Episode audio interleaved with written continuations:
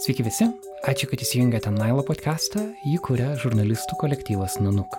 Mano vardas yra Karolis Višniauskas ir šiandien kviečiame išgirsti Nailo Update epizodą. Šiuose epizoduose mes kalbame apie globalią politiką. Studijoje yra mūsų pasilgta pašnekovė Merlendo universiteto vyrmokslininkė, saugumo specialistė Eglė Murauskaitė. Labas, Eglė. Sveiki. Smagu tave matyti studijoje po išties nemažo laiko tarpo. Taip, iš tiesų praėjo beveik pusę metų nuo tada, kai mes darėm epizodus ir iš tikrųjų daug kas įvyko. Karantino laikotarpis nebejotinai pakeitė visų gyvenimus, tai šiame epizode gal ir bandysime pareflektuoti šiek tiek apie tai, ar ne? Taip, ir turbūt e, e, verta pasakyti, kad mes esam procese. Tai, ką išgirs šiandien klausytojai, yra dabartinio tokio laikmečio tam tikras išvalgos, kurios, žinai, po poros mėnesių neaišku, koks pasaulis bus, bet norisi užgriepti šitą procesą ir bandyti jį suprasti. Ir taip suprasti ne per mūsų ne tik per mūsų pačių prizmę, bet ir per klausytojų. Kai mes paskelbėm, kad tu ateisi į studiją, e, žmonės Facebook ir Instagram parašė nemažai klausimų apie skirtingus pasaulio regionus ir mes bandysime juos vieną po kito šiandien pereiti. Tad pradedam nuo ko? Pradedam nuo Europos ir nuo NATO reikalų, ar ne? Taip, iš tikrųjų, aš sekiau pandemijos metu situaciją ir NATO vaidmenį. Norisi, kaip visada, man komentuoti turbūt tokius dalykus, kurie yra mažiausiai paliesti ar medijose, ar kitų analitikų, nes jau čia, kaip sakant, visi ir, ir dėdės ir tėtos ir visi jau ten pasisakė visais klausimais, nes karantino laikotarpio atsiradus daugiau laiko, tikrai daug daugiau turinio ir tokių lonkų ir įdų atsirado ar Facebook'e, ar visur kitur. Tai iš tikrųjų gal pakalbėkim pirmiausia apie tą saugumo situaciją iš NATO prizmės, ar ne? E, vėlgi, tu jau gerai pastebėjai, Karoli, kad mes dabar įrašinėjame maždaug viduryje šitų procesų, ar ne? Tai gegužės 11 tikimasi, kad jau bus paskelbti paskutiniai lengvinantis Lietuvoje karantiną ribojimų mažinimai. Pasaulyje daug kur taip neskubama dar yra. Aišku, yra šalis, kurios ir greičiau atpalaidavo, yra šalis, kurios apskritai taip griežtai nebuvo įsivedę pribojimų, bet nu, mes tikrai nežinom, kaip, kaip bus. Tai čia šitie pamastymai yra būtent pamastymai ir refleksijos, jokių būdų tai nėra forecastingas, prognozės kokios nors. Tai sakykime, iš saugumo pusės vienas dalykas, kas atrodo gana panašu, kad taip nutiks, sprendžiant iš to, kaip dorojamasi buvo, pavyzdžiui, su 2008 finansinė krize, matant, kokios yra socialinės ir ekonominės nuotaikos dauguma Europos šalių, kad išlaidos gynybai mažės ir mažės gana ženkliai. Tai paprastai didelio socialinio ir ekonominio spaudimo laikotarpiais čia būna vos ne vienas pirmųjų išlaidų, kurias yra apkarpama. E, ar tai yra naudinga ar nelabai galima diskutuoti, bet labai tai yra tikėtina, kad taip nutiks. Ir jau ir taip e, tos išlaidos gynybai pasiekti tą 2,5 procento labai buvo sunku ir čia tik pastaraisiais metais pavyko su dideliu spaudimu ir neramumais, kaip čia toliau klostysi santykiai su Amerika, tai labai panašu, kad tai nebus išlaikyta. Tai čia, nu, kaip, kaip kurios šalis su tuo dorosis, ar ne?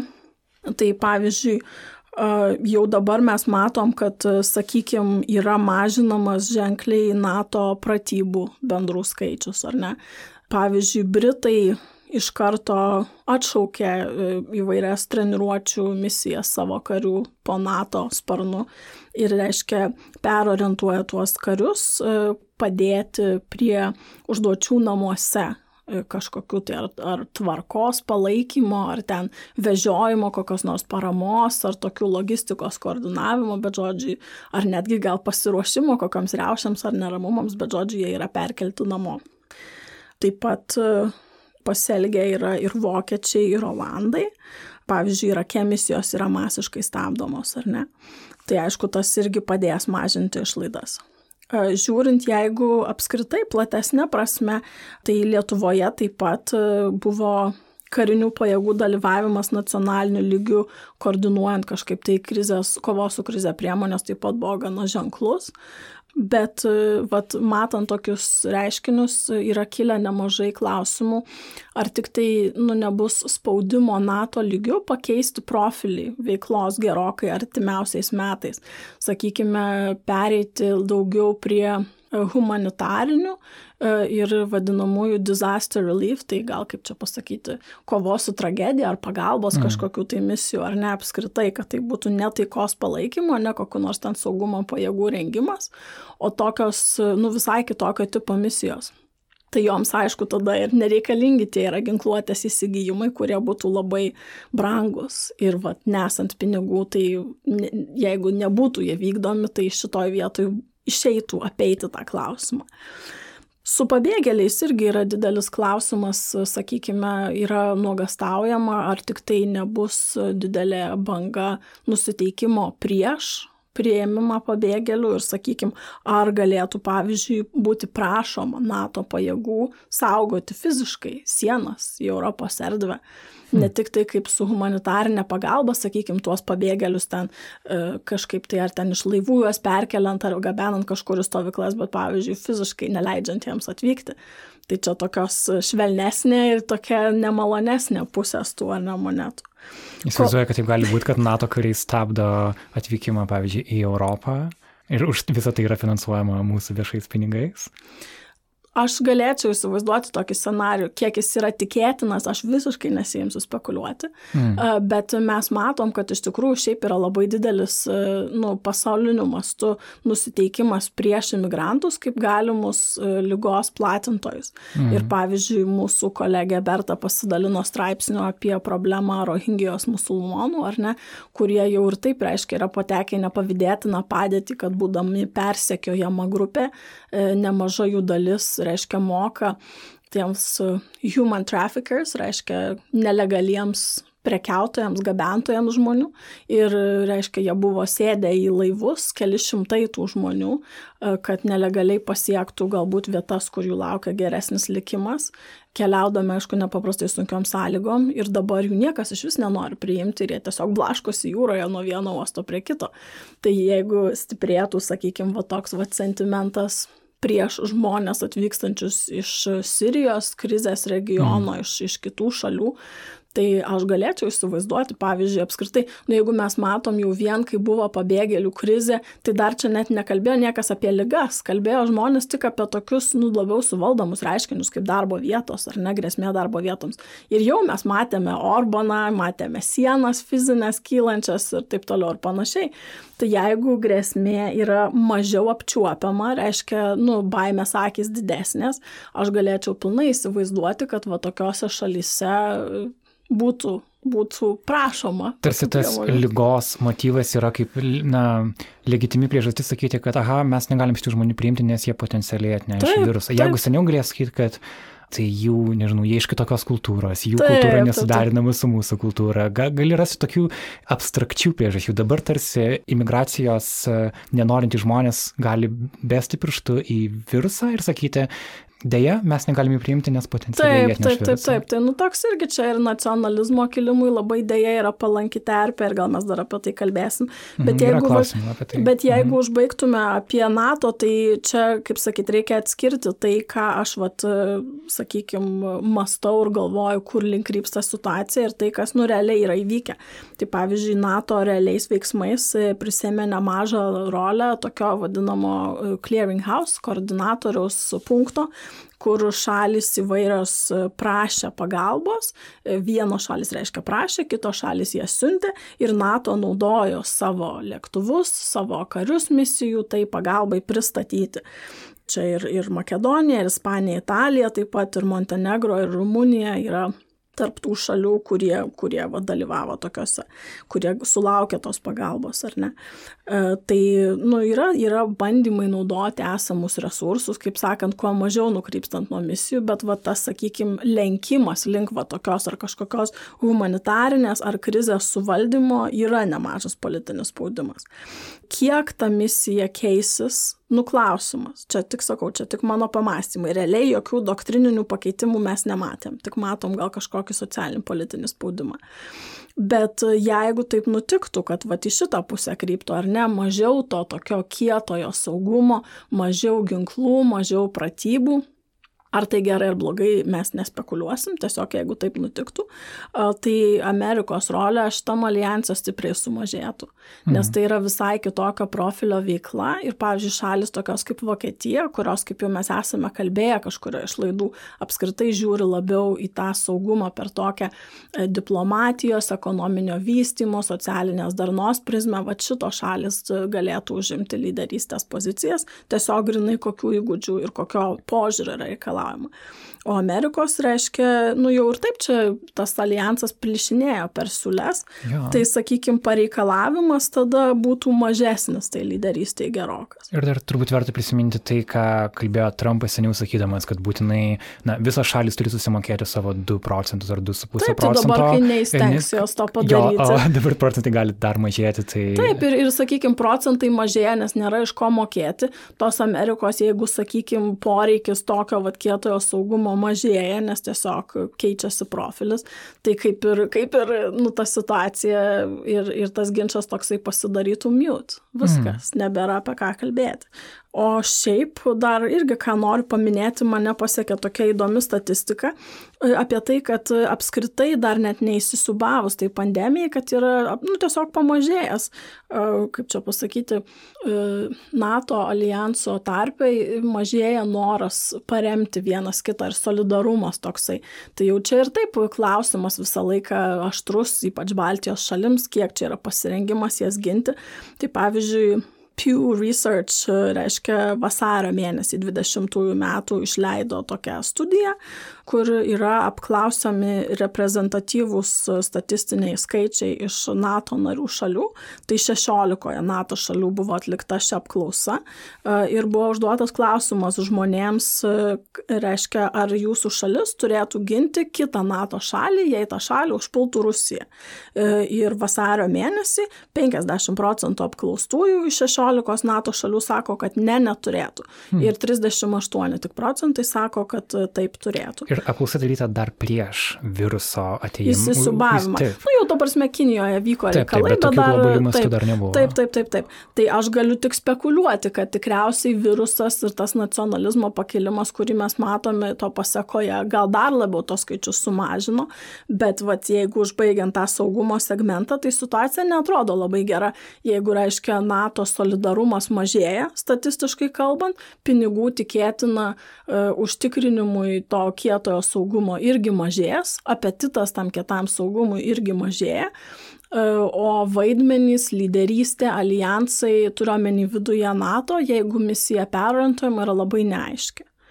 Supratau, iš to, ką tu sakai, atrodo, kad vienas iš klausytojų, Domas e, Senovaitis ar Domas Šenovaitis, jis klausė apie Schengeno zonos ateitį ir bendrai Europos tokį vieningumą. Manau, kad dalį atsakymų, dalį atsakymų čia buvo galima išgirsti. Bet e, einant toliau po skirtingus regionus, mes daug dėmesio šiuose pokalbiuose skiriame vidurio rytams. Norisi tai išlaikyti, nes nėra tiek daug lietuviškai kalbėjimo apie vidurio rytus. Ir čia klausimų irgi iš mūsų klausytojų pusės yra. Egidijus Grigonis uždavė net kelis juos, um, leisk vieną iš jų pacituoti. Grigonis klausia, ar ir kiek JAV reikšmingas vidurio rytų regionas, nes bent jau tam tikri atsitraukimo judesiai iki pandemijos buvo. Taip, jie daugiau simboliniai. Sirija, Irakas, nes apie rimtų karinių bazių mažinimą Persijos įlankos šalyse neteko girdėti. Tai klausimas apie JAV veiksmus vidurio rytuos. Labai taiklus klausimas iš tikrųjų ir kiek man tenka suvokti, tai taip, apskritai ne tik, ne tik JAV, bet ir visų vakarų įsitraukimas, kaip jau minėjau, konkrečiai Irake mažėja. Minėjau, kad NATO kariai yra atitraukiami, tai Vašingtonas irgi gal be labai didelių ten garsių ir griežtų pareiškimų, bet po trupučiuką mažina ten dalykus. Ir iš tikrųjų, nu tai nieko gero. E, tai atitraukia at, rankas nuo tų misijų tiek, ne, bet čia mes kalbam ne tik apie karinės, mes kalbam ir ekonominės investicijas, diplomatinį pasiryžimą siekti tenais e, tam tikrų situacijų uždavų, kaip sakykime, palaikymas e, tokių labiau nuosaikesnių politikų, grupių, kažkokių nevyriausybinių pagalbos teikimas, tai viskas tas yra numažėjęs smarkiai tai akivaizdu, kad Vašingtono įtaka tame regione mažės dėl to. Tai čia jau pirmas ir, kaip sakant, akivaizdžiausias padarinys. Bet nereikia būti genijum, kad sugalvoti, kad tas galios vakumas ten nes, nesiformuos, labai aktyviai Kinija eina į tą regioną. Rusija gal šiek tiek mažiau turi šiuo metu galimybių tiek politinių, tiek ir, ir tiesiog finansinių išteklių. Kinija labai aktyviai eina. Bet Kinija nėra vienintelė, aišku, yra Iranas, kuris labai aktyviai stengiasi žaisti regioninį lyderio vaidmenį. Um, yra organizacijos tokios kaip Al-Qaeda ir Hezbollah, kurios irgi, kaip sakant, neginamas teritorijas ir paveikęs populiacijas toj pat stengiasi perimti. Tai čia tokie, kaip ir sakant, akivaizdžiausi padariniai. Bet taip pat, nu, aš manau, kad ilgainiui tas atsitraukimas iš vidurio rytų, tai, nu, neliks nepastebėtas, kad, sakykime, Amerikos uh, politinė valia ir galimybės taip aktyviai dalyvauti formuojant e, geopolitinės kažkokias pageidautinas išdavas visame pasaulyje mažės. Tai tarsi yra dar vienas signalas, ne jau šiek tiek pakalbėjom, kas gali būti Europoje, o vidurio rytuose jau vyksta kai kas. Paradoksalu, bet e, matant tą tokį įtakos mažėjimą, tai gali ir esami Amerikos alijansai pradėti sviruoti, nes jeigu, sakykime, politinių įvykių formavimo galimybėse Amerikos svoris mažėja, tai tie, kurie buvo susimetę kartu su Amerika, gali šiek tiek persvarstyti.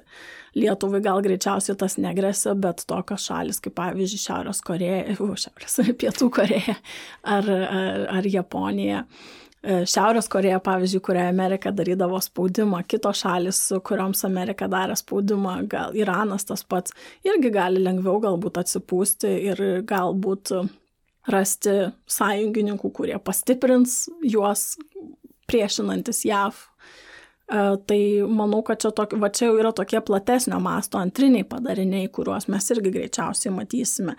Tai jeigu tas, sakykime, devalvuojasi Amerikos paramos valiuta, tai nieko gero iš tikrųjų Lietuvai, vėlgi prisimenant ką tik aptartą saugumo situaciją.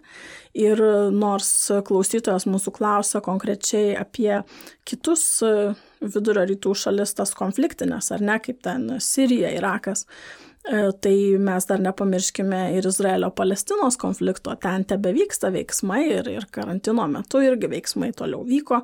Ir aš netgi nežinau, ar praslydo kitiems žmonėms galbūt pro akis, bet Izraelio okupuotas teritorijas JAV oficialiai pripažino, tas nausėdijas. Čia rimtai, taip, aš praleidau tai, šitą. Taip, taip, taip, ir tai buvo tiesiog vos netarp kitko pasakyta. Mes jau kai kalbėjome, nebepamenu, kuriame epizode pernai, taip. apie tai, kad yra svarstoma, e, ar palaikys vis dar JAV dviejų valstybių tą sprendimą, mm. ar jau jinai visiškai prie Izraelio yra persimetus ir kaip yra atitraukiama traukiama ir parama humanitarinė, ir valstybės departamentui veikla ir finansavimas ten yra ribojamas, tai jau, jau tai vyksta, smarkiai vyksta ir praktiškai Mm. Praktiškai iš Amerikos diplomatijos perspektyvų tas dviejų, dviejų šalių sprendimas kaip ir nebeatrodo realus. Wow.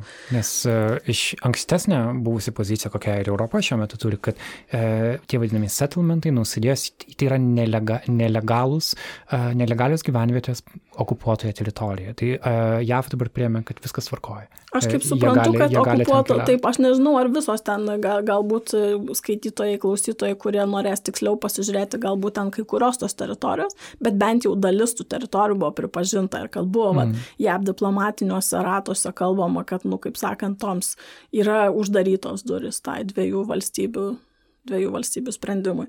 Tai, nu tai va irgi, kai yra tas didžiulis informacijos kiekis karantino metu, tai tokie dalykai, kurie kitą dieną gal sukeltų tikrai nemažą medijos audrą, nu gal nebūtinai Lietuvoje, bet gal kituose regionuose, kurie arčiau seka, tai dažnai va ir paskesta kaip toks tarp kitko.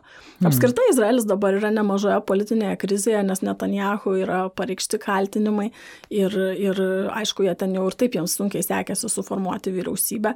Ar dėl to nuolatos reikės naujų kažkokių veiksmų imtis, tai kitas klausimas, bet Netanjahu va tame taikos procese tai nemaža buvo rakštis. Tai, tai dabar irgi klausimas, kas ten su juo bus. Tai sakykime, ten irgi kažkokie lūžiai yra numatomi. Bet mes tada dar turėjom kitą klausimą, ar ne, apie lūžius. Jisai um, irgi iš Egidijos Grigonio ateina ir jis klausia, kokie vidurio rytų valstybių galimi lūžiai dėl uh, naftos paklausos kritimo. Apskritai naf, naftos kainų dalykas buvo sujudinęs um, tokiai Facebook'o pasaulį, kada žmonės pamatė, kad, aš žiūrėk, kad naftos kainos taiga tapo minusite. Tai kai kurios valstybės yra nuo naftos kainų visiškai priklausomos, tad akivaizdu, kad laukia, laukia pokyčiai dėl to, ką tu tame matai. E, aš gal labiau norėčiau kalbėti apie vidurio rytus negu naftos kainas, bet čia, sakykime, pažiūrėkime, bet, bet kur, taip, taip, taip, tai tiesiog pažiūrėkime, kur tos intersekcijos yra, ar ne. Tai, sakykime, dabar, nu, atrodo, kad tikrai arabų pasaulis, e, nu, ženkliai išgyvena ekonominę krizę. Kai kurie komentatoriai netgi sako, kad, pavyzdžiui, Saudo Arabija matys didžiausią krizę, e, nu, biudžeto didžiausią deficitą per šimtą metų.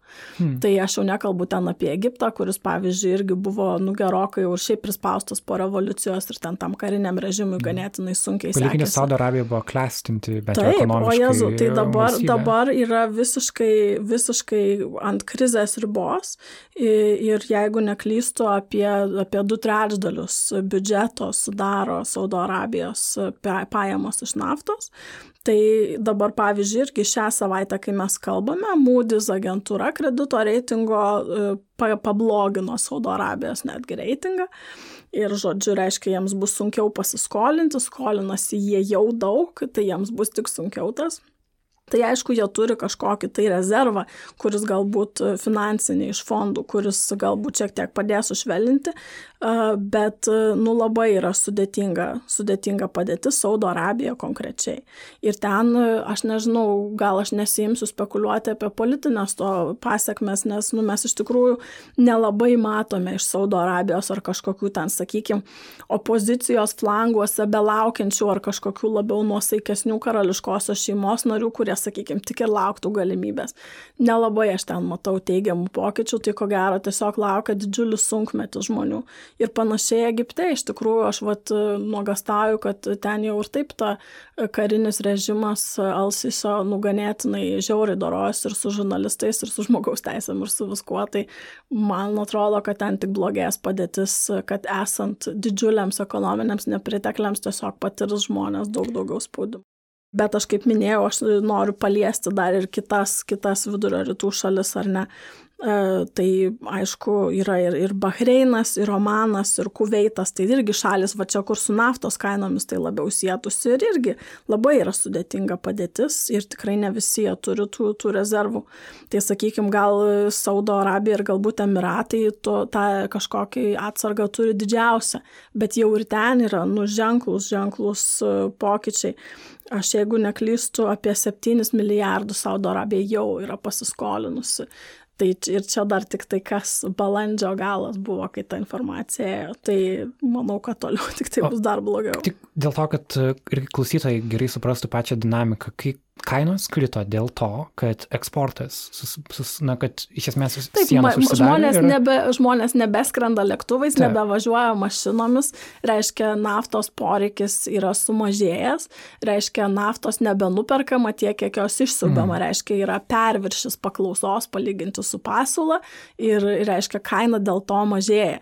Ir naftą saugoti, kaip jau turbūt klausytojai žino, yra gana brangu ir dar dėl to, kad ne tik tai, kad neperka tos tavo naftos, bet tau dabar staiga reikia investuoti, jeigu tu jos turi į labai brangias sistemas, kur ją dėti, tos sistemos jau irgi arti yra pilnumo, a, tai žodžiu, dėl to naftos kaina pakrito iki neigiamos, nes tau tiesiog ne tik, kad tu negauni pajamų iš pardavimų tiek, kiek tu galvoji, bet tau atsiranda papildomi kaštai ir labai nemaži. Mhm. Ir šalis, kurios vat, kliovėsi, sakykime, ta pati Rusija apie trečdalį kliovėsi bendro vidaus produkto iš naftos pardavimų, Saudo Arabija, Bahreinas, kaip minėjau, Kuveitas irgi nemažas dalis turi priklausomybės nuo to ir jos dėl to nukentėjo. Bet gal e, saugumo prasme, bent jau tokiai šaliai kaip Lietuva, tai yra savotiškai gera žinia, nes jeigu Rusija turi problemų su nafta ir savo ekonomika, tai galbūt jie neturės, žinai, jokių ketinimų eiti į kitas šalis, nes turės vidinių problemų svarbesnių. Nu, čia aš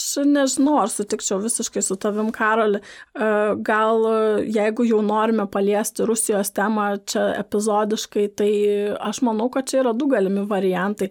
Vienas, kad susidurdami su didelėm vidaus problemom, jie bus priversti tvarkytis su vidinė suirutė galimai nu, naudodami daugiau prievartos, dar daugiau ribojimų tiesiog masiniams protestams ar nepasitenkinimams slopinti. Bet kitas galimas variantas, kad bus mėginamas atitraukti dėmesys tų žmonių, kurie yra politiškai aktyvūs nuo vidinių procesų, nuo stokos kažkokios, bandant parodyti lyderystę kažkur užsienyje.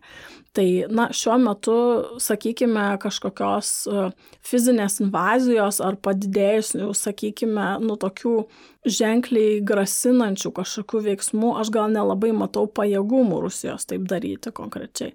Bet, nu, sakykime, aišku, tos informacinės kompanijos tai tikrai yra suaktyvėję ir, kaip minėjau, tiesiog yra naudojamas ženkliai padidėjusiais informacijos rautais bet tai tas manevras, sakykime, atitraukti dėmesį nuo vidinės krizės per išorinius kitus dalykus, nu jisai yra išbandomas, išbandomas. Ir tie naratyvai, aišku, tokie prieštaringi yra stumiami, bet, nu, kaip čia pasakyti, džiaugtis, kad atseit rusai bus užsiemę tiek savim, kad neliks jiems laiko kokį rūpintis, aš tai nedrįščiau taip džiaugtis. Bet tai dar mes grįžtume šiek tiek prie vidurio rytų, ar ne? Mhm gal jau šiek tiek ir, ir atsiribojant nuo tos naftos, bet šiaip tam pabaigiant apie situaciją. Kaip minėjau, Iranas šiaip stengiasi žaisti gana didelį vaidmenį regioninio lyderio. E, tai aišku ir tas pasireiškia ir e, įsitraukimu į Izraelio konfliktą per paramą Hezbolai ir, ir politinę lyderystę ir taip toliau. Bet, pavyzdžiui, per praeitus metus, reiškia sankcijų Amerikos pasakoje, įvairių kitų politinių įvykių pasakoje, jau buvo vidaus produktas jau apie 10 procentų susitraukęs. Tai yra nu, didžiuliai praradimai kaip tokiai šaliai, ar ne? Ir, ir su naftos kainomis ir su infliacija apie apie trečdalis beveik skaičiuojama, kad žmonių perkamosios galios tiesiog dingo, suvalgė infliacija tos pinigus. Ir, ir, žodžiu, labai yra, nu, šita valstybė gal nėra tiek priklausoma nuo tų naftos pardavimų, yra šiek tiek ten, nežinau, apie ketvirtis galbūt to biudžeto, bet jinai tiesiog yra tokie, tokioj sudėtingoj politiškai situacijai, kad ten tai aš net meščiau galimybių kokiu nors sviravimu. Mes, aišku, čia dabar skęstame tose karantino naujienose, bet nepamirškim, kad tai čia mes vis dar šiais metaisgi kalbėjom apie didžiulį incidentą, kai buvo nužudytas, reiškia, karinių pajėgų vadas ir, ir buvo bijomasi paaštrėjusius kažkokios gal krizės galimybės su JAV. Tai dabar gal, man atrodo, vidiniai tiesiog taršymais ar tų pačių e, vadinamųjų IRGC, revoliucinės sargybos, reiškia karinių pajėgų, e, galimi kažkokie manevrai, galimi uh, galimos konfrontacijos su religiniais lyderiais, nes nu tikrai šalis yra labai sudėtingo ekonominiai situacijoje ir aišku, skaičiai apie karantiną yra ir slepiami ir ne visai aišku, kokia ten yra padėtis, bet ekonominė padėtis yra jau labai prasta. Tai sakykime, vat šičia nestabilumo, manau, kad artimų metų visai galėtume irgi pamatyti.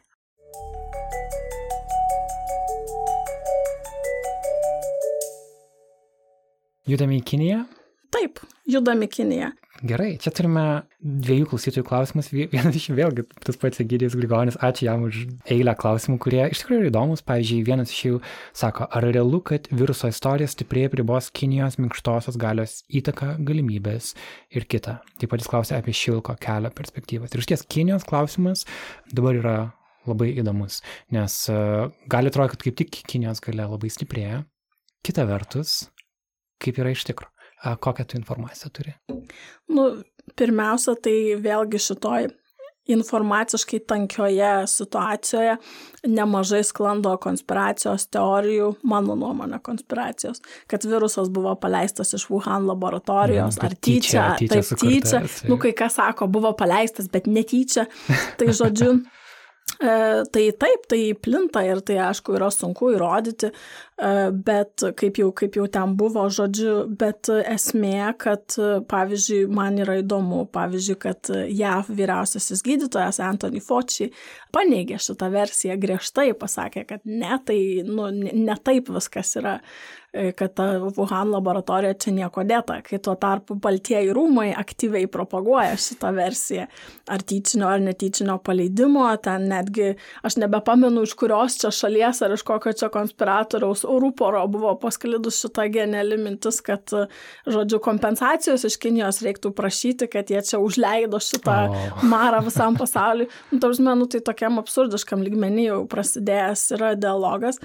Tai, nu, kažkaip sudėtingai su tuo yra. Na, pamenu, kai mes kalbinome mokslininkus Gyti Dudą ir Bernadetą Dodanaitę virusui tik atėjus į Europą, jie sakė, kad pagal jų turimą informaciją, vien kai tu pažiūri jos viruso sudėtį, jis atrodo visiškai organiškai ir gamtiškai, tai aš pasitikiu tą versiją. Aš kažkaip irgi esu linkusi to pasitikėti, nors pati nesu mokslininkė, bet kiek girdžiu iš ir mokslininkų, ir iš gydytojų, tai atrodo labiausiai tikėtina.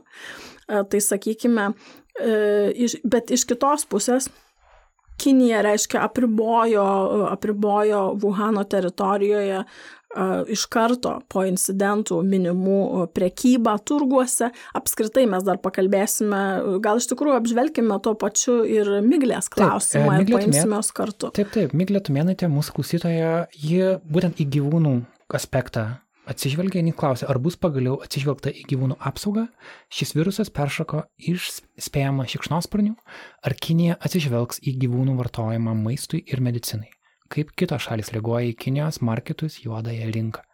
Tai va, tai norėjau pradėti nuo šito ir, ir, ir ta, kaip čia pasakyti, paplėtoti apie tą bendrą situaciją, kad reiškia pirmiausia, pritaikiusi ribojimus Vuhane, e, Kinija apskritai e, nuo sausio mėnesio e, uždraudė prekybą bet kokiuose tuose vadinamosiuose šlapiuosiuose turguose, kur yra prekiaujama ypač dažnai egzotiniais, retais gyvūnais, draudžiamomis vartoti rūšimis.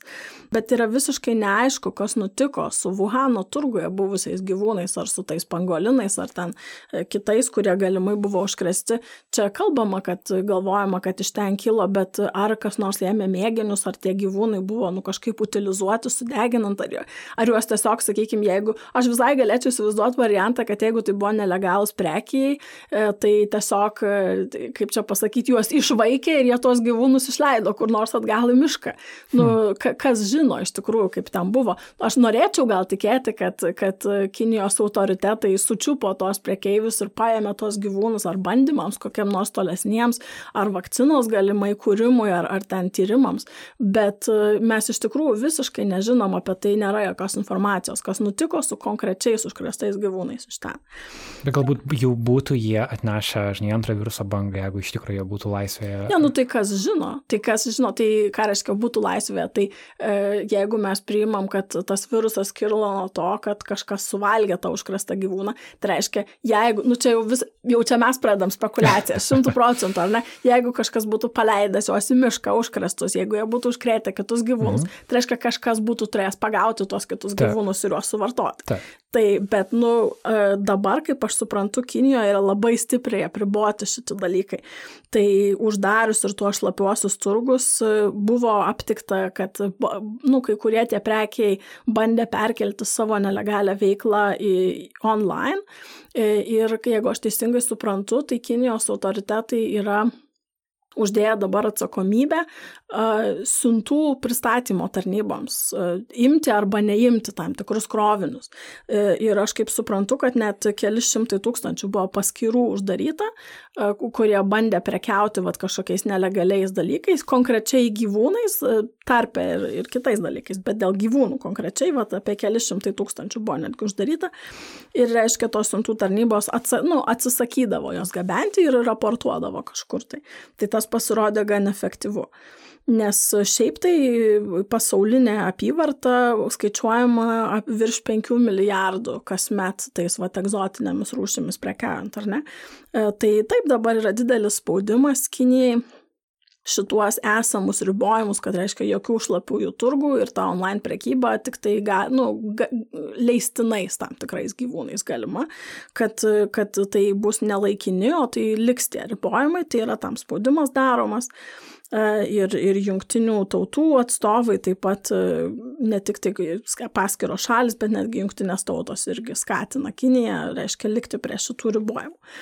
Bet jeigu mes kalbėtume plačiau, ar ne, tai nepaisant visų šitų konspiracijos teorijų ir kai kurių vad žmonių, kurie, kaip minėjau, galbūt kaltina Kiniją tyčia užleidus šitą marą, e, kad iš tikrųjų atrodo, kad minkštoji gale Kinijos iškilo ir gana ženkliai. Tai dėl vieno faktoriaus, kaip jau minėjau, nes atrodo, kad JAV e, ne tik atmenksta tą galę, bet ir kai kur JAV yra sąmoningai pasitraukusi iš veiklos. E, o kitas dalykas, kad e, Kinija nu, neblogai susitvarkė su tokiom uh, kaip čia pasakyti, oportunistiniam PR galimybėm, kad e, pas, paskubėjo ir kaukės pasiūsti, ir ekspertus, ir į tą pačią Italiją gana anksti atvyko Kinijos ekspertai. Ką jie ten veikia, kiek jie davė naudos, čia kitas klausimas, bet buvo e, PR opportunity, visiškai prie, visi, visi matė, kad ten vyksta. Tai Lietuva irgi buvo siūsta ir kaukių siunta iš Kinijos ir atrodo, kad um, jo, tas Kinijos kaip pagalbininkės vaidmuo buvo sukurtas. Taip, taip, taip, tai ir gana, nu, gana ženklus. Tai aš manau, kad jie šitoje vietoje tą minkštosios galios e, laimėjo. Ir sakykime, jeigu ant vienos lėkštės naratyvas, kad Kinija kalta dėl viruso, ant kitos lėkštės naratyvas, kad Kinija yra geras tarptautinis pagalbininkas, tai mano nuomonė nebejotinai antrasis yra nusvėręs. Vėlgi, ar čia tiesa, ar čia gerai, mes net neteiskime. Tiesiog man atrodo, kad e, daug šalių, kur vat, pamažėjo vakarų pagalbos, pagalbos, kur nebuvo suskupta, kinai suskubo. Ir aišku, nepamirškim, kad e, ne tik tai per šilko kelią, bet per daugelį kitų ekonominės pagalbos, industrinio vystimo iniciatyvų, kurias mes jau esame aptarę taip pat praeitose epizoduose, Kinija labai stipriai yra įžengusi ir, ir į Afriką, ir, ir į vidurio rytus, ir net į tą pačią Europą, tokias, e, kaip čia pasakyti, sunkiai besiverčiančias šalis kaip Graikija ar, ar Ispanija. E, tai aš manau, kad tas tik tai stiprės, nes jau kaip ir, man atrodo, visiems aišku, kad artėja didžiulė ekonominė krizė, tai jeigu Kinija turės išteklių tęsti tą veiklą, bent jau paraminę, tai aš manau, kad ta galia toliau tik stiprės. Hmm. Tvarkoj. Um, keliamės į Šiaurės Koreją. Aš šalis, kuri, apie kurią iš tikrųjų nėra daug informacijos. Jo, iš tikrųjų, kalbant apie Kiniją, manau, verta paminėti ir tai, ir vėlgi vien jau dėl to, kad Lietuvoje tai turbūt yra mažiau aptariama tema, tai e, prieš, kel, prieš porą savaičių nuo mūsų įrašomos laidos e, buvo kilus, nu, didelis nerimas buvo kilęs dėl to, kad buvo neaišku, kas nutiko su Šiaurės Korejos lyderius. Tarsi, tarsi dingo. Taip, ir buvo spekuliuojama, ar jisai, reiškia, pasitraukė į slėptuvę, ar jam daroma kažkokia sudėtinga sveikatos operacija, ar plastinė operacija, kaip galiausiai buvo nu, nuspėta. Tai žodžiu, buvo iš tikrųjų daug neaiškumų, kol kas e, ir, ir labai yra daug spekulacijos dėl, dėl to viruso plitimo pačioje Šiaurės Koreje. Iš vienos pusės yra galvojama, kad e, gal jis mažiau plinta, nes tai yra labai retai. Super uždara šalis. Ne, tam... bet ne tik, kad uždara, bet jinai nėra tankiai apgyventa ir šiaip mm. ir daug ribojimų yra mažai interakcijos tarp žmonių, tai galbūt plinta mažiau. Bet sakykime, kur pabėgėliai iš ten, iš Šiaurės Korejos pastarosiomis savaitėmis ištrūkę, ar gydytojai kalbantis tai kalba, kad jau per praeitą pandemijos protrukį, dabar nepamenu, ar tai buvo SARS ar kažkokia kita pandemija, ar, ar paukščių, ar keulių, bet žodžiu buvo, e, kad nu, visiškai nėra modernių priemonių, nėra testavimo, kad reiškia gydytojas turi termometrą realiai ir mm. stetoskopą ir kad, aišku, ir tų gydytojų yra mažai, tai net ir esant, jeigu, sakykime, mažas populacijos tankis galėtų menkinti to viruso plitimo galimybės, kad, nu, žmo, kad yra labai labai prastos sąlygos kovoti su virusu, nu, aišku, žmonių labai yra, nu, prasta būklė, turbūt imuninė reiktų pastebėti, ten daug žmonių yra. E, neprivalgantis, maisto stygius yra didelis. Mhm. Tai dažnai siunčia ir jungtinės tautos, ir JAV humanitarinę pagalbą, dažnai konkrečiai grūdais. E, tai tiesiog jau yra, yra ta sveikatos būklė vidutinio šiaurės koriečio labai prasta tai sakykim. Ir kodėl aš apie tai kalbu? Todėl, kad e, dažnai pasisukus klausimams e, dėryb, apie dėrybas ar nusiginklavimo ar kažkokias kitas, e, kur su Šiaurės Koreja ir kur galimai yra signalizuojama, kad Kinija galbūt taikyti galėtų kažkokius vertus šitai savo kaiminiai, Kinai yra visada labai sunerime dėl Šiaurės Korejos, nes tai yra toksai, nu, neprognozuojamas veiksnys pačioje jų pašonėje Ir dabar, sakykime, jeigu ar dėl viruso, ar dėl kažkokios įtampos, jeigu, pavyzdžiui, bendroj, bendrai pasauliui išgyvenant ekonominę krizę, jeigu Šiaurės Koreja negalėtų gauti tiek humanitarinės pagalbos, kiek paprastai gauna, ir, ir vidiniai ten kažkokie virsmai prasidėtų, tai Kinijai tai būtų irgi didžiulis galvos skausmas, jie visada bijo to scenarijos, kad, sakykime, grius tos sienos, ar fizinės, ar politinės, ir kad paplūs iš tenais žmonių ir į Kiniją, nu gal į pietų Pietų Koreja mažiau, bet Kinai konkrečiai labai bijo, reiškia, to antplūdžio. Ir, ir, žodžiu, nu, Rusija kartais dėl to irgi išreiškia nerimą. Rusija, pavyzdžiui, vasario mėnesį jau pasiuntė pusantro tūkstančio testavimo e, tų rinkinukų į Šiaurės Koreją. Kinija kažkiek irgi yra pasiuntusi, bet kokia ten yra situacija, yra neaišku. Tai va čia dar vienas dalykas, kad tokioj sudėtingoj, aš pabrėšiu, kad ne tik sveikatos, bet ir ekonominiai situacijai, tai kilpai veržiantis pasauliniu mastu, va tokios šalis, kurios jau yra ant nestabilumo ribos, tai jos ypač pavojingai prieina mm. prie krašto. Mm. Tai bet mes tokių turime pavyzdžių ir daugiau, ar ne, Venezuela yra neblogas jo, kitas pavyzdys. Apie Pietų Ameriką paskutinis regionas, kurį norim aptart. Ir Venezuelos paskutinės naujienos buvo, kad um, jo, apie maisto, elementarų maisto nepriteklių ir valdžios perversmą. Ir čia įvyko tas įprastas dalykas, kad didžiulis pasaulio dėmesys buvo į tą šalį tam tikrą laiką ir paskui stingo. Ir kokias naujienas turi iš Venezuelos? Tai va, mūsų klausia klausytojas Domas Sanovaitis, kad koks galėtų būti potencialas skurdo, neramumų, politinių nesutarimų ir COVID kokteilio. Tai, sakykime, aš ką matau pastarosiomis dienomis, tai reiškia ankstyvą gegužę, kai mes įrašinėjame, kad yra labai padaugėję raportuojimo atvejų e, žurnalistų priespaudos, prievartos, sulaikymo, atiminėjimo rašytos medžiagos, e, bandoma, reiškia, kažkaip tai dirbtinai parodyti, kad čia nieko tokio, kad ta situacija yra suvaldyta, kai taip toli gražu nėra. Tai žurnalistai yra ir mušami, ir, ir persekiojami, ir bandoma sutepti jų reputaciją, ir teismais grasinama. Ir žodžiu, visais būdais bandoma apriboti ribo, reportažus apie COVID-19 Venezueloje. E, ir tai čia aišku tik tai žiedeliai, čia turbūt labiau tai yra orientuota į išorę, nes jau kaip tu ir mini, Venezuela jau prieš tą virusą buvo labai sudėtinga vidaus situacija ir mes turėjom puikų reportažą su ten gyvenančia moterimi, kuri nušvietė padėtį. Tai čia tas žurnalistų persikiojimas tai tik vienas dalykas. Man kas dar gal pasirodė įdomu, kad kaip mes žinome, visas pasaulis praktiškai užsidarė pas save, užsigūžė ar ne tos sienos ir daug žmonių, kurie buvo e, emigravę į kitas šalis, buvo priversti grįžti namo ar tiesiog e, dėl, nu, praradę darbą, sakykime, ar dėl netikrumo, ar galės apskritai. Tai į Venezuelą paplūdo visai nemažai, apie tūkstantis e, imigrantų iš Kolumbijos ir Ekvadoro, kur tiesiog dirbo anksčiau venezueliečiai ir suskubo grįžti namo, galbūt galbūt prarado darbus, galbūt e, pergyventi dėl Venezuelo likusių šeimos narių. Ir, žodžiu, jie tiesiog yra laikomi nu nežmoniškomis sąlygomis, yra įvesti į karantiną.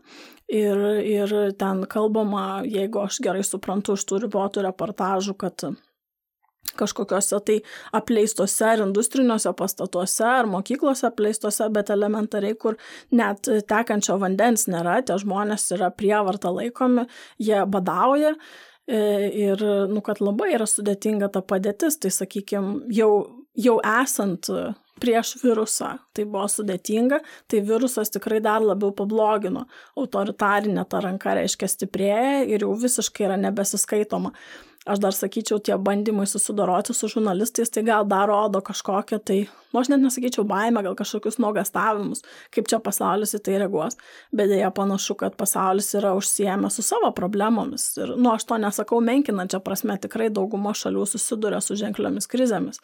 Ir galimybės daryti kažkokį tai politinį spaudimą yra minimalios šiuo metu. Atrodo, kad Venezuelos laukia gana liūdnas likimas, trumpai tariant.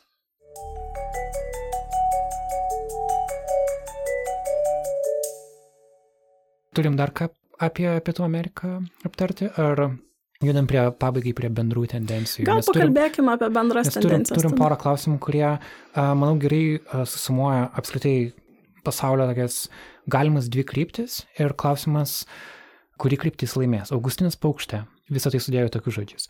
Globalizacija, susitelkimas, vienybė ir bendras planas ar atskirtis, nacionalizmas, kova dėl respiratorių. Šies du keliai - arba pasauliu būti uždaram, arba pasauliu būti atviram.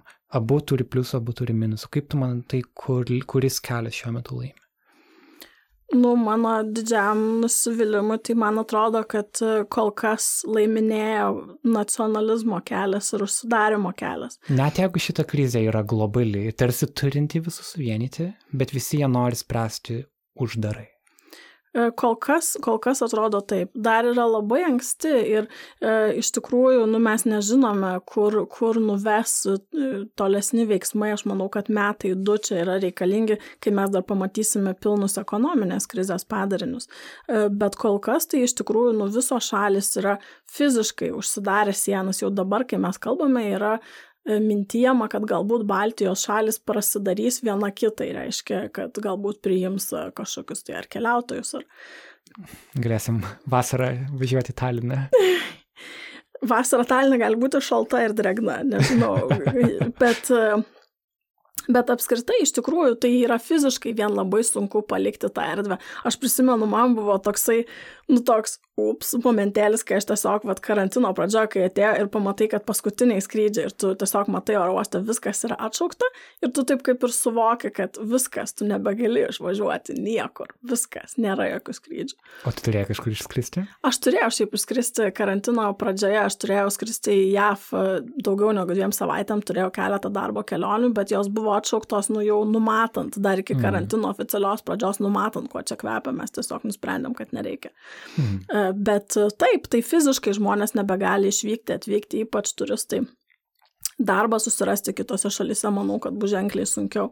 Apskritai, vat, mes jau šiek tiek palėtėm tą antiimigracinį sentimentą, kad atrodo, kitataučiai, kurie nekalba šalies gimtają kalbą, kurio oda kitos spalvos, tai atrodo, aha, tai gal tu čia neseniai atvažiavai, tai gal tu sergi. Ir, nu, toks iš karto, nu, visiškai neracionalus, bet labai sustiprėjęs tas toksai šerio pašiaušimas, kad reiškia čia tik tai mes ir nacionalinė vienybė ir taip toliau ir panašiai. Tai, tai taip, dėja taip. E, šitoj, šitoj pusėje aš matau, vat, ir čia jokių, aš neapsiriboju Lietuvą, aš matau, kad apskritai daug kur ta autoritarinė ranka yra sustiprėjusi ir žmonės gal nemažai ir pateisina ir, ir leidžia tam vykti, priima kažkaip tos ribojimus dėl krizės nemažoji dalis šalių galbūt tie ribojimai ir nebus atšaukti. Aišku, ne, ne visai akivaizdu iki kokio lygio tai gali prieiti, ar bus ribojamos, pavyzdžiui, teisės dalyvauti rinkimuose, kaip tie rinkimai vyks. Tai ta pati Lietuva irgi laukia rudenį rinkimai ir, nu, neaišku, aš gal šiek tiek skeptiškai žiūriu, ar mes suspėtume, net jeigu būtų politinė valia, tą internetinį balsavimą pasidaryti. Bet jeigu, sakykime, mes galime turėti reguliarų į balsavimą ir yra užtikrinama ten, sakykime, dezinfekcijos punktai, tinkamas e, dalyvavimas saugus, aš jau vien galiu įsivaizduoti, jeigu mes prisimenam, kai visų nuotraukas iš savivaldybės su tais lipdukais aš balsavau, tai reguliariam sąlygom ten būna eilės apsisukę aplink pastatą, tai jeigu dabar žmonės išdėti per du metrus, taip, tai jūs, link, taip, taip, jūs padėliokite Vilniuje į Konstitucijos prospektą, tuo apjuosti rankomis galėsim, ne, ištiestomis. Tai, tai taip, nusakykime, net jeigu ir tai būtų tas gerasis scenarius, tai vis tiek iki rinkimų mes turėtume tokius gana sudėtingus procesus suvaldyti, kaip pavyzdžiui, kampanijos, jeigu tai bus daugiausia per socialinės medijas ir online kampanijas, jos yra daug paveikesnės užsienio įtakai apskritai ta terpė yra daug paveikesnė užsienio įtakai. Efektyviai ją riboti ir kontroliuoti gali būti sunku. Kitas dalykas, kalbant apie rinkimus, kad e, iškilti naujoms asmenybėms, susirinkti pakankamai pinigų, mobilizuoti savo bazę rinkėjų gali būti labai sunku. Dėl tiesiog mažo žmonių politinio aktyvumo visi yra susirūpinę sveikata, darbais, ekonominė situacija ir tie tokie dalykai, vat, abstraktus kažkokie, kurie dažnai yra susijęs su politiniais procesais jis yra mažiau apeliuojantis žmonėms. Tai aišku, mes galime ir apie Lietuvą galvoti, kaip tai atrodys, bet Lietuva nėra vienintelė, kuri eina per šitos procesus. Tai, nu, tai irgi tokie, tokie dalykai. E, verta, aišku, pakalbėti ir apie teigiamus pokyčius, kurie mane, pavyzdžiui, labai maloniai nuteikė karantino pradžioje, matant Lietuvoje didžiulį bendruomenių aktyvumą ir susitelkimą. Aš pati šiuo metu gyvenu užupyje ir tikrai mačiau, kad buvo didelė parama vienų kitų kaimynų, ten ar smulkesniems verslams, siūlymai nupirkti produktų kaimynams. Tai čia tokiam smulkesniam lygmenį, bet, nu, apskritai, tai kai buvo susitelkta, buvo sukurtos kelios Facebook'o grupės savanoriauti norinčių žmonių E, iniciatyvos patarti verslams, politikai taip pat buvo labai greitai mobilizuotos. Aš jau nekalbu apie Andriaus Tapino iniciatyvą padėti medikams, Dalios Grybauskaitės įsteigtą fondą, kuris aš tikiu, kad bus labai naudingas artėjančiai ekonominiai krizai šiek tiek pašvelninti. Mes jau buvome kalbėję pernai keletoje epizodų e, apie alternatyves valstybės gyvenimo organizavimo mm. formas, kai mes gilinomės į demokratijos pagrindus, galvojame, svarstėme literatūroje, kokią matome ar ne. Tai, sakykime, man visada atrodė, kad vis tiek bendruomenė yra labai svarbus aspektas šitoje vietoje ir galbūt netgi, e, nu, maksimaliai efektyvus vienetas veikiantis. Tai tas matymas bendruomenių aktyvavimuose, nu, man atrodo labai organiškas ir priimtinas, kad atrodo, jeigu mes čia kažkada galvojam, kaip, sakykime, pastimuliuoti ar sukelti tokius reiškinius, kad tiesiog krizė atėjus organiškai tai vyko. Ir, sakykime, nu, man buvo įdomu matyti, kad žmonės turintys kompetencijų organizuoti logistiką, organizuoti apklausas, pavyzdžiui, tiesiog ligoninių, ko kam reikia, koordinuoti, nu, bet čia tik tai tokie akivaizdžiausi pavyzdžiai, daug juk turi kompetencijų, ar ne, bet aš tiesiog mačiau Lietuvoje daug gerųjų pavyzdžių, kur žmonės su kompetencija tam tikroje srityje atsiradus laiko spaudimui atsiradus labai nemalonių pasiekmių galimybei, tiesiog savanoriškai prisistatė ir, ir ėmėsi pasiraitojo rankovas kažką daryti. Ir jiems už tai niekas nemokėjo, nu kas aišku yra gaila. E, bet, bet tiesiog buvo, pavadinkim, vakumas kompetencijos ir jisai užsipildė labai mm. organiškai.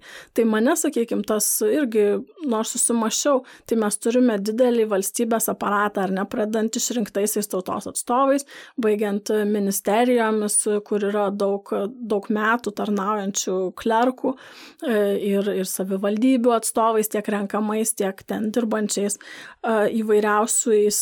Ir nu, mes, kaip čia pasakyti, normaliomis sąlygomis yra reguliariai piktinamas iš šitų žmonių kompetencijos trūkumų, neaišku, ką jie veikia, tie procesai yra ištesti kažkokie ar ne. Bet aš taip įsivaizduoju, kad galbūt ta situacija yra pakenčiama normaliomis aplinkybėmis, galvojant, kad, nu, tai neaišku, kas čia būtų geriau, nėra čia ko kelti bangų ir tikriausiai, nu, vis tiek jie krizės atveju yra kažkokie planai ir krizės atveju mums jų reikia, kad jie suvaldytų. Tai nežinau, Man tai netrodo, kad krizės atveju atėjus ir pasibeldus į duris žmonės, kurie turėjo realiai tą suvaldyti, kad jie ar kompetencijų turėjo, ar kad buvo kažkokie planai iš stalčių traukiami. Kaip tik atrodo, kad dauguma tų žmonių, kaip ir bet kuris Jonas Petras ir Antanas, tiesiog už, buvo uždaryti namuose, nebėjo į darbą, virtualiai tų funkcijų daug kas negalėjo atlikti ir kažkaip tos kompetencijos jų nesublizgėjo. Tai, nu, man tokia vėlgi pamastant apie tas alternatyves valstybės organizavimo formas, kyla klausimai, kokiu pagrindu, kokiu pagrindu yra vienijamos e, tas pajėgos mhm. nuo bendruomenių mažų į didesnius. Ir dabar galbūt e, bandoma kalbėti apie va, tą nacionalizmą vien dėl to, kad, sakykime, uždarytos sienos yra, ar ne? Ir tu nebelabai turi pasirinkimo. Bet e, vėlgi, nu, čia matyti yra burbulai, kuriuose žmonės gyvena. Tai aš galiu kalbėti tik apie savo informacinį burbulą. Bet tame burbule aš, pavyzdžiui, per visą karantino laikotarpį aš neaptikau tokių žodžių, kaip pavyzdžiui, kad aš didžiuojuosi Lietuva, mūsų lyderiai susitvarkė šauniai. Mhm. Žodžiu, tai buvo e, plojama konkretiems žmonėms. Va, gera iniciatyva. Va, mhm. savivaldybei šitas žmogus konkrečiai priemė gerą gerą sprendimą. Va, šita kavinė puikiai sugalvoja ten paremti medikus ar senolius ar kažką. E, ir net nebuvo tokių net ir mažesnių kažkokių, kad va, Vilniečiai kaip čia gerai kažką padarė. Ir, nu, aišku, aš jau apie prezidento lyderystės toką, tai jau gal net ir neverta kalbėti, nes jau gal, kaip sakant, prikalbėjo ir kiti pakankamai. Bet va to, e, man yra įdomus tas dalykas, kad tarsi mes ir matome iš vienos pusės, ką būtų galima pavadinti nacionalizmo pakilimu, ar ne, nes tu bijai imigrantų kaip, kaip sveikatos grėsmės, tavo sienos uždarytos Bet kai mes esame kalbėję prieš tai, kur ta riba, ten nacionalizmo, nacionalinio pasididžiavimo, ar ne, va tų teigiamų aspektų, kad žmonės aktyviai rinktųsi tą lietuvišką tapatybę, kad karantino metu tai jiems būtų tapę atramą, kažkaip tai aš to nefiksuoju. Tai man šiek tiek kilo iš tikrųjų klausimai apie, apie valstybės tapatybės organizavimą vat, aplink šitą tautinį identitetą, kad mes esame uždaryti šitam teritoriniam vienetui ir neturim pasirinkimo, na tai ką jau padarysi. Bet jeigu mes matom, sakykime, ir, ir žmonių kompetitingų daryti kitus sprendimus, nu, mane tai verčia susimastyti apie, apie valstybės aparato kaip tokio organizavimą. Ir, ir dažnai dažnai, jeigu čia yra kalbama, nu, teoriniam lygmenį apie utopijas, kažkokius mhm. bandymus, eksperimentus, tai dažnai krizės atveju organiškai suveikia kažkokie Taip, tie modeliai. Pagreitinimo mygtuką visuomenės Taip. visame progrese jungia Taip. ir žiūri, kas, Taip. kas nutiks. Taip, tai aš sakau, aš jokių būdų nesimsiu čia nei ardyti kokiu nors struktūrų, nei spekuliuoti, kas ten ir ar kas išliks, bet e, man sakau, tie klausimai, kuriuos aš savo kėliau jau keletą metų, vad krizės e, akivaizdoje, jie, man atrodo, iškilo ne tik man. Ir mes dar, man atrodo, pamatysim, ką tikrai reiškia ta tautinė tapatybė. Uh. Taip, ir jeigu, žinai, tu dabar kalbė apie būt, tarsi būtuoju laiku, bet iš ties mes esame procese ir jeigu Taip. pažiūri skirtingas prognozijas, yra požiūris, kad pasaulis bus kitoks tol, kol nebus sukurta vakcina nuo koronaviruso. Um, yra variantų, kad vakcina nebus sukurta, pavyzdžiui, 2, 3, gal net 4 metus, nes tradiciškai anksčiau tiek užtrukdavo su visais testais ir paplit, na, jos paskleidimu po pasaulį tiek laiko užtrukdavo. Tai Dabar mes esame pirmaisiais mėnesiais šito eksperimento. Įsivaizduojam po dviejų metų, kaip bus pasikeitę viskas. Ir um, jo, laukia labai, labai įdomus laikas. Ar dar spėsim aptarti Miglės klausimą apie, taip, taip, manau, kad... apie Universal Basic Income, nes tai yra vienas iš dalykų, kuris man teikia tam tikrą, žinai, jeigu gali vykti kažkoks pozityvus pokytis visuomenė, tai galėtų būti šitai. Tai yra, kad um, skatinant ekonomiką ir skatinant bendrą žmonių gerovę, kodėl kiekvienam žmogui nedavus bazinio atlyginimo. Ir Ispanija bando tai daryti.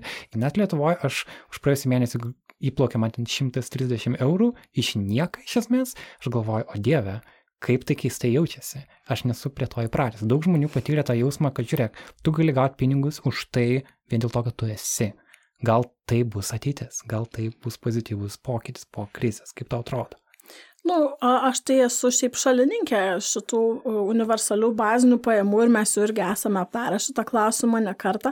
Galime trumpai priminti, kad 70-aisiais JAV buvo vykdomi gana ekstensyvūs eksperimentai. E, naujesniais laikais tai pabandžiusius šalis yra Kanada, Suomija, Indija, taip pat Namibija.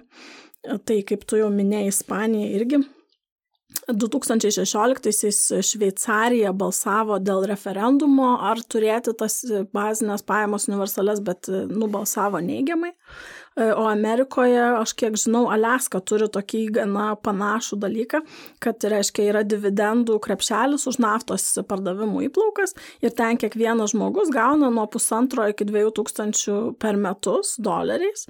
E, tai čia tiesiog vien už tai, va, kaip tu sakai, kad tu esi, ar ne, ir tikrai žmonėms tas ganėtinai padeda. Kiek žinau, Suomija nelabai seniai atliko eksperimentą, kur du metus, 2017-2018, 2000 žmonių bandomai grupiai kas mėnesį teikdavo 560 eurų atlyginimą. E, tai čia per metus būtų, vat, kad palyginti vat, su tą Aleska, ne per metus būtų 6700 panašiai. Mm. Tai ten, sakykime, Suomija po to eksperimento nustatė, kad, e, nu, didžiausia ta baime, ar ne, kad žmonės nebeieškos darbo, jeigu tu jiems duosi tas pajamas. Kad procentas susiradusių darbą buvo panašus ir tarptų, kur gavo tas bazinės pajamas ir tarptų, kur negavo, bet daug didesnis pasitenkinimas gyvenimu atsirado mm. tarptų. Tai man atrodo, čia yra visai svarbu. Taip. Ir E, ir aišku, artėjant tai krizai ekonominiai, aš manau, kad daugiau šalių apie tai susimastys ir kad pasitenkinimas tas gyvenimu nu, yra iš tikrųjų labai svarbus faktorius. Ir, ir aš nežinau, kaip sakant, nesimčiau prognozuoti, kurią pusę tai pasisuks, bet jeigu tai būtų priimta, tai aš labai sveikinčiau tokią idėją.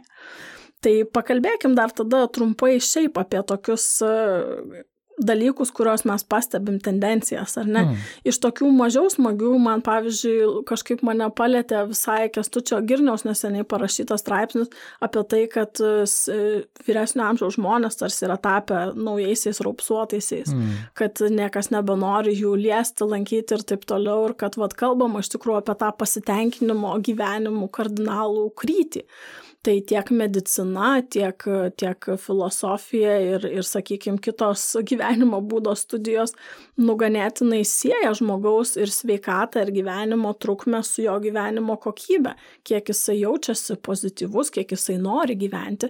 Ir iš tikrųjų net ir mano pačios aplinkoje vyresnio amžiaus žmonės dažnai sako, žinai, tai, kad tu susirksi ir numirsi per savaitę ar dvi, tai tikrai nėra blogiausias scenarius, kurį tas žmogus gali savo įsivaizduoti. Daug dauguma žmonių bijo lietos sekinančios mirties. Mhm. E, tai čia vienas dalykas. Kitas dalykas, visai nemažai tų žmonių yra vieniši.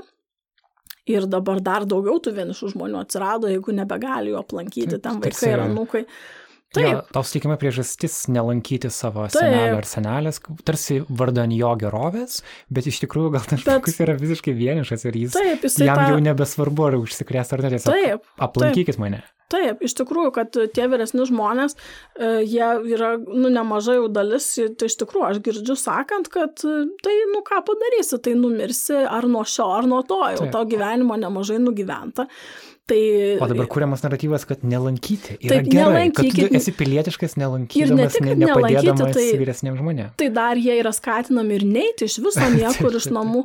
Tai pavyzdžiui, nu, tai irgi žmonės, e, kurie, sakykime, nu, vis tiek vyresnio amžiaus žmonės dažnai turi ir judėjimo sunkumų, jeigu nesutrikimų. Ir iš tikrųjų nu, yra tam, kad išlaikyti bent jau tą nu, kažkokį mobilumą, reguliarūs e, ar, ar pasivaikščiojimą, ar fizinę, kokia jau ten įmanoma veikla yra tiesiog būtina būtina, nes kitaip tavo atrofuosis ne tik raumenys, bet ir nuširdies darbo galimybė silpnė. Tai kai tie žmonės yra raginami neišeiti iš namų, nu, tai tiesiog, nu, pagreitinamas irgi yra jų fizinės būklės blogėjimas. Tai, nu nežinau, aš nesijaučiu kompetitinga teikti kokias nors rekomendacijas ar vertinimus, nes aš nesu medikė, bet aš tiesiog reflektuoju, kad, nu, man atrodo, čia yra labai jautrus klausimas, kokį blogį mes renkamės. Niekas nenori būti tuo žmogum, kuris ten apkosojo ir nužudė savo močiutę, bet kad tie patys vyresni žmonės, aš girdžiu, vis dažniau yra linkę rinktis mažesnį blogį, tai apie tai irgi reiktų pagalvoti. Mm. O apskritai tai ką?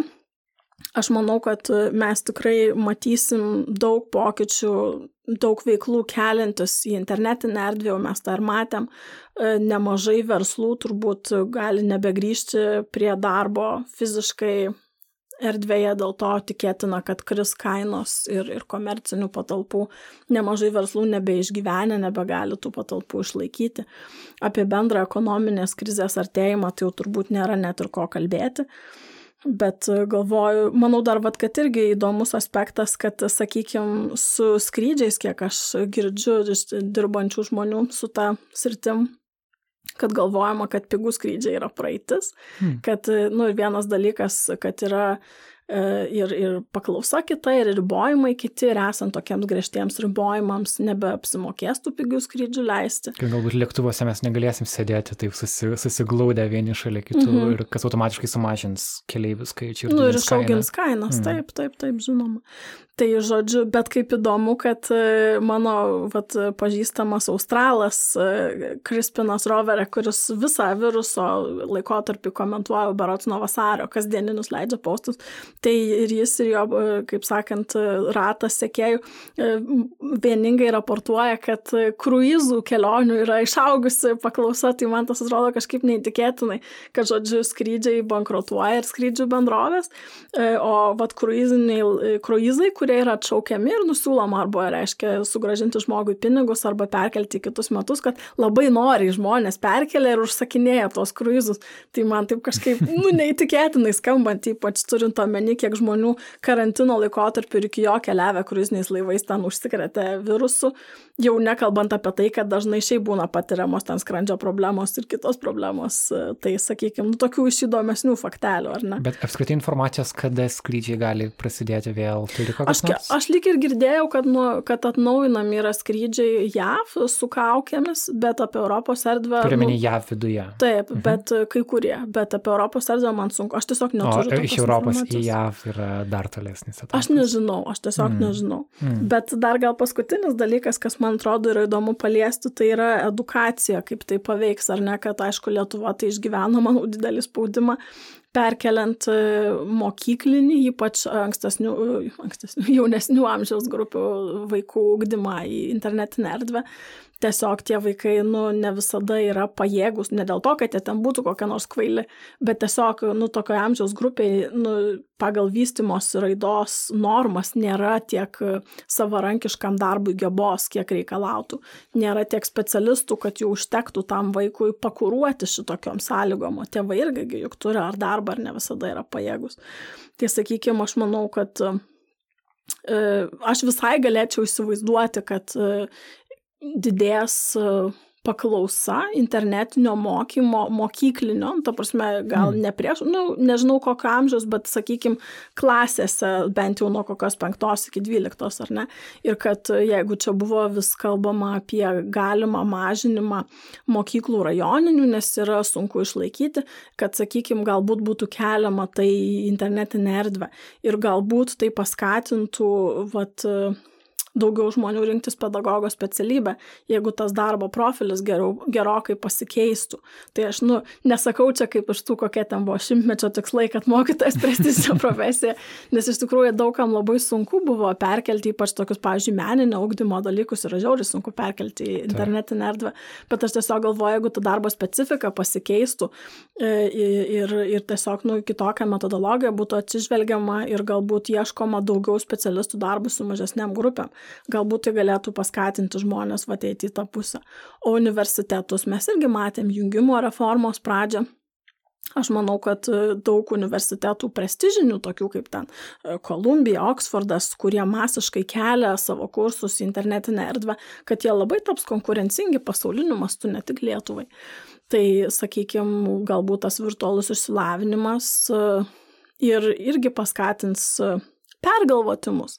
Kaip tokią tradicinę visuomenę, kur tos žinios, knygos ten buvo ypač vertinamos tokio laisvo, laisvo šalies laikotarpiu biškelį gal prioritetai gali pasikeisti, o žmonėms ekonominės krizės prispaustiems galbūt paaiškės, kad yra tų galimybių persikvalifikuoti daugiau, nebūtinai į filosofijos doktorantūrą, bet galbūt ir nu, tokios labiau praktinės specialybės, kažkokių įgūdžių įgyjimas jiems taps labiau prieinamas.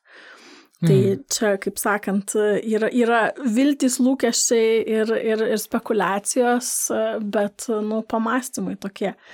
Dar noriu pastebėti pabaigai irgi, kad Šiaip, kadangi nu, Lietuvoje yra daug įvairių iniciatyvų ir aš esu prie keletos irgi prisidėjus ir iki karantino, tai viena iš jų, kurioje dalyvauju, tai Global Lithuanian Leaders, šiuo metu yra subūrę įvairių ekspertų grupės, tai aš dalyvauju saugumo ekspertų grupėje e, ir mes kalbamės apie įvairius galimus e, scenarius iki metų laikotarpio, nu kas yra tikėtina. Tai aš tikiuosi, kad e, mes galėsime už kurio laiko irgi pasidalinti rezultatais, bet kai kuriuos vat, iš tų aspektų, kuriuos aptarėme šiandien podcast'e, mes taip pat aktyviai permastome ir giliname ir ieškome supratimo daugiau, kokios galėtų būti pasiekmes Lietuvai ir jei tik tai bus e, susidomėjusių ausų ar visuomenės ar sprendimų prieimėjų tarpuose, aš tikiuosi, kad galėsime pridėti šiek tiek vertės su savo analize. Mm, būtinai norėsiu, norėsiu pamatyti tai ir būtinai pasidalinsiu su klausytojais. Tai ačiū, kad e, iš ties jaučiuosi kaip ir pakeliavęs po skirtingas šalis ir taip pat patiko, kad pabaigoje aptarėm daug ir visuotinių, to, tokių visuomeninių klausimų, kurie, apie kuriuos, manau, visi dabar mastome, tik tai gal sunkiau į žodžius sudėti tos pokyčius, tau puikiai sekasi tai daryti, tai ačiū, Aklė, kad galime tuo dalintis su mūsų klausytojais. Ačiū, kad atėjai į studiją. Ačiū, Karaliu, buvo malonu visiems kantrybės ir ramybės.